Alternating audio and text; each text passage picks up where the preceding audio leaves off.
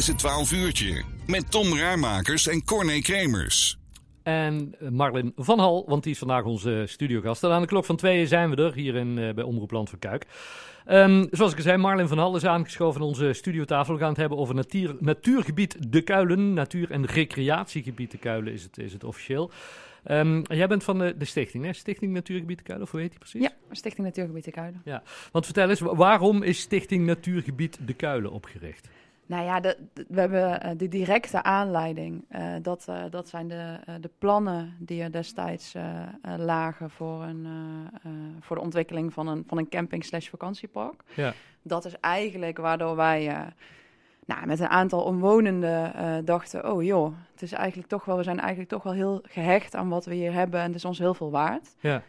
en nou ja, misschien moeten, we dat, moeten we dat gaan beschermen. Dus dat is de directe aanleiding geweest. Ja het doel van de stichting uh, is niet uh, het, het, tegenhouden van die plannen, maar is het verder ontwikkelen van het natuurgebied. Ja. Dus, want want de, de, de, plan van de vakantiepark, dat was er zo'n vrij plotseling, had ik het idee. Iedereen ja. werd er een beetje mee, mee overvallen. Ja, zo. nou ja, zo, zo, voelde dat voor, voor ons ook. Als, uh, we zijn met, uh, met zeven uh, oprichters van de stichting. Um, maar ja, zo plotseling was het er voor ons. maar er ging natuurlijk wel wat aan vooraf. Ja. Uh, er is een, uh, een visiedocument opgesteld.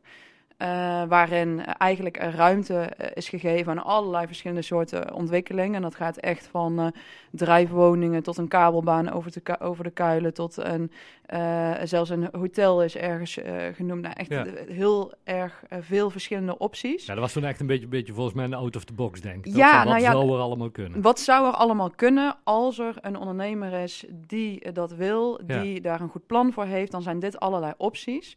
Eh, ja, en wij hebben toen ik, nog gewoon zitten slapen eigenlijk als buurt. En Hm. hebben niet, we hebben daar zijn wel wat brieven geschreven, we zijn op het gemeentehuis geweest, hebben onze mening gegeven, maar we hebben ons daar niet in vastgebeten. Ja. Dus dat visiedocument is op een gegeven moment is dat vastgesteld. Ja, en logischerwijs komt dan uiteindelijk eh, daar ook een ondernemer die zegt, hey joh, ik, ik pak allerlei van die opties uit dat visiedocument. Ja. Die tel ik bij elkaar op en dan maak ik een, een heel groot plan van. Want ja, dat is. Eh, eh, nou, dat, eh, dat zou ik wel willen exploiteren daar. ja, en het stond in de stukken dat dat ook zou moeten kunnen. Ja, er stond in de stukken wat er allemaal zou moeten kunnen, wel op basis van kleinschaligheid. En dan is dus natuurlijk de vraag van als je het al die verschillende opties bij elkaar optelt en je maakt er één plan van, was Ja. dat dan de intentie? Of, of was het de bedoeling dat, het, dat die losse zaken mogelijk waren, maar niet naast elkaar in één plan? Ja. Nou, dat is allemaal inhoudelijke discussie. Maar dat, dat, dat visiedocument lag er nu eenmaal. En dat is wel de basis eh, ja, voor iemand om die plannen te gaan schrijven. Ja. En, en eh, eh, nou, wij vinden dat de wijze waarop dat visiedocument tot stand is gekomen, dat dat ja, een beetje oneigenlijk is. We vinden ook dat we er toen zelf hadden tegenin hadden moeten gaan. Ja. Maar aan de andere kant is iedereen in de directe omgeving met, met 35 man wel heel duidelijk geweest. Alleen, we hebben ons niet vastgebeten. Ja. En dan op een gegeven moment wordt het dus heel concreet. Want dan ligt er dus een concreet plan met concrete aantallen, met concrete vierkante meters.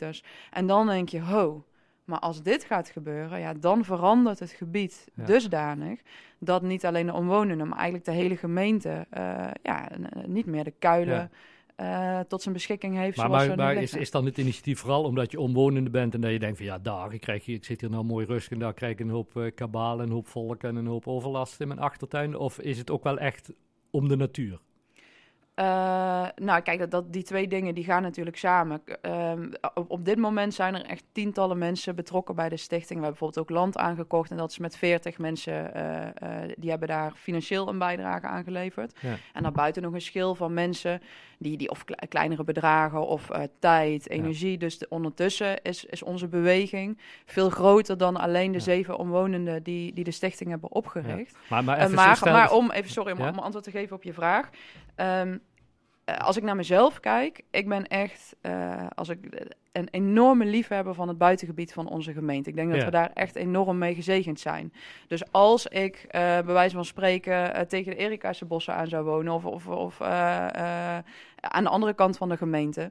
dan zou ik dit, eh, deze stichting en dit initiatief en deze plannen heel erg steunen. Ja, ja, En maar niet met de intensiteit als je aan doet. die kuilen woont. Nee, ik ben er nu eh, eh, Ja. iedere week meerdere avonden mee bezig. Ja, Ja. ik zou liegen als ik dat ook zou doen als je drie kilometer Ja, verderop nee, ligt. precies. En da- dat was eigenlijk de vraag. Ja, maar, je ben, maar ik ben wel intrinsiek, los van dat ik daar woon, denk ik dat dit het beste is voor onze gemeente. Ja. En denk ik dat dit uiteindelijk een, een, een heel mooi plan is, hetgeen wat wij hebben Ja. ontwikkeld, wat het beste is voor de, voor de hele Ja. gemeente. Maar wat je, wat je net al zei, van, ja, we- niet alleen dat we dachten van hey, we moeten er hierop op ageren. En we, mo- maar ja, jullie gingen een stapje verder en zeiden wat je net ook al zei. We gaan gewoon grond aankopen om meer grip te krijgen op de ontwikkeling van de natuurgebieden. Ehm, nou ja, om, eh, niet, niet om er meer grip op te krijgen, maar om het gewoon te realiseren. Om gewoon te zeggen, oké, dit, dit, dit stuk grond, dat was eigenlijk geëermarkt eh, voor eh, duizenden parkeerplekken. Ja. En als wij het zelf kopen, dan kunnen we bomen planten. En dat Maar is de goed, enige optie. Dan, dan, dan doe je het om, om bomen te kunnen planten, maar ook wel om te zorgen dat er dat geen parkeerplaats wordt. Zeker, Ja. zeker. Ja. Want eh, dat, die landbouwgrond, die, eh, dat, landbouwgrond is ook mooi. Bomen Ja. vind ik mooier, maar parkeerplaatsen vind ik een stuk minder mooi. Ja. maar, maar hoe kom je dan aan de geld? Want, bedoel, het kost ook, want het is nogal een stuk wat jullie eh, gekocht hebben. toch? Ja, zeker. Het is vijf, Eh, vijf hectare? Nee, eh, 5,7. 5,7 Ja. hectare. Dat, dat, kost ook pas centen. Ja, dat eh, zeker, omdat dat, dat het visiedocument eronder lag. Waar eigenlijk dus eh, ook ruimte werd gegeven voor exploitatie van die grond. Dus het was echt, echt een fors bedrag. Eh, nou, gelukkig eh, hebben we al heel snel aanspraak kunnen maken op een flink subsidiebedrag. Dus meer dan de helft eh, is gesubsidieerd door de provincie. Ja. En dat is eigenlijk, die, die subsidie is ervoor bedoeld voor de afwaardering van landbouwgrond als je er natuur van maakt. Dus de Ja. waardevermindering, die is betaald door de, eh, door de gemeente. Maar heb eh, je, daar- heb je daarmee dan, provincie. dan, dan indirect ook dat de provincie zegt van ja, wij vinden dat een goed idee wat jullie doen. Dit is, be- dit is beter dan eh, parkeerplaatsen. Nou ja, zeker. En er, er is, kijk, de, niet, alleen de provincie, maar Nederland wil graag meer groen, meer natuur en meer ontwikkeling van bos. Ook omdat er juist heel veel ja, nieuwe woningen gebouwd moeten worden. Ja. Dus ook voor de gemeente, dus wat wij aan het doen zijn, echt een kans om op natu- eh, grond die al de bestemming natuur heeft, Ja. of al de bestemming landbouwgrond heeft, wat eigenlijk niet meer als zodanig eh, ja, heel geschikt is, Ja. Eh, om daar dus eh, bos te planten, waardoor je op andere plekken weer eh, woningen kunt bouwen. Zometeen gaan we even doorpraten, want mensen die daar eh, meer over willen weten. Volgende week zondag de 24 hebben jullie een soort open dag, hè, een informatiedag. Dus daar kunnen mensen alvast in de agenda zetten. Wat er dan precies gaat gebeuren en wat überhaupt de- jullie verdere plannen zijn, gaan we het zo meteen over hebben. U luistert naar Omroep Land voor Kuik. Tot aan de klok van tweeën zijn we er met het 12 uurtje. Niets missen van het 12 uurtje? Like dan nu de Facebookpagina. Facebook.com slash 12 uurtje.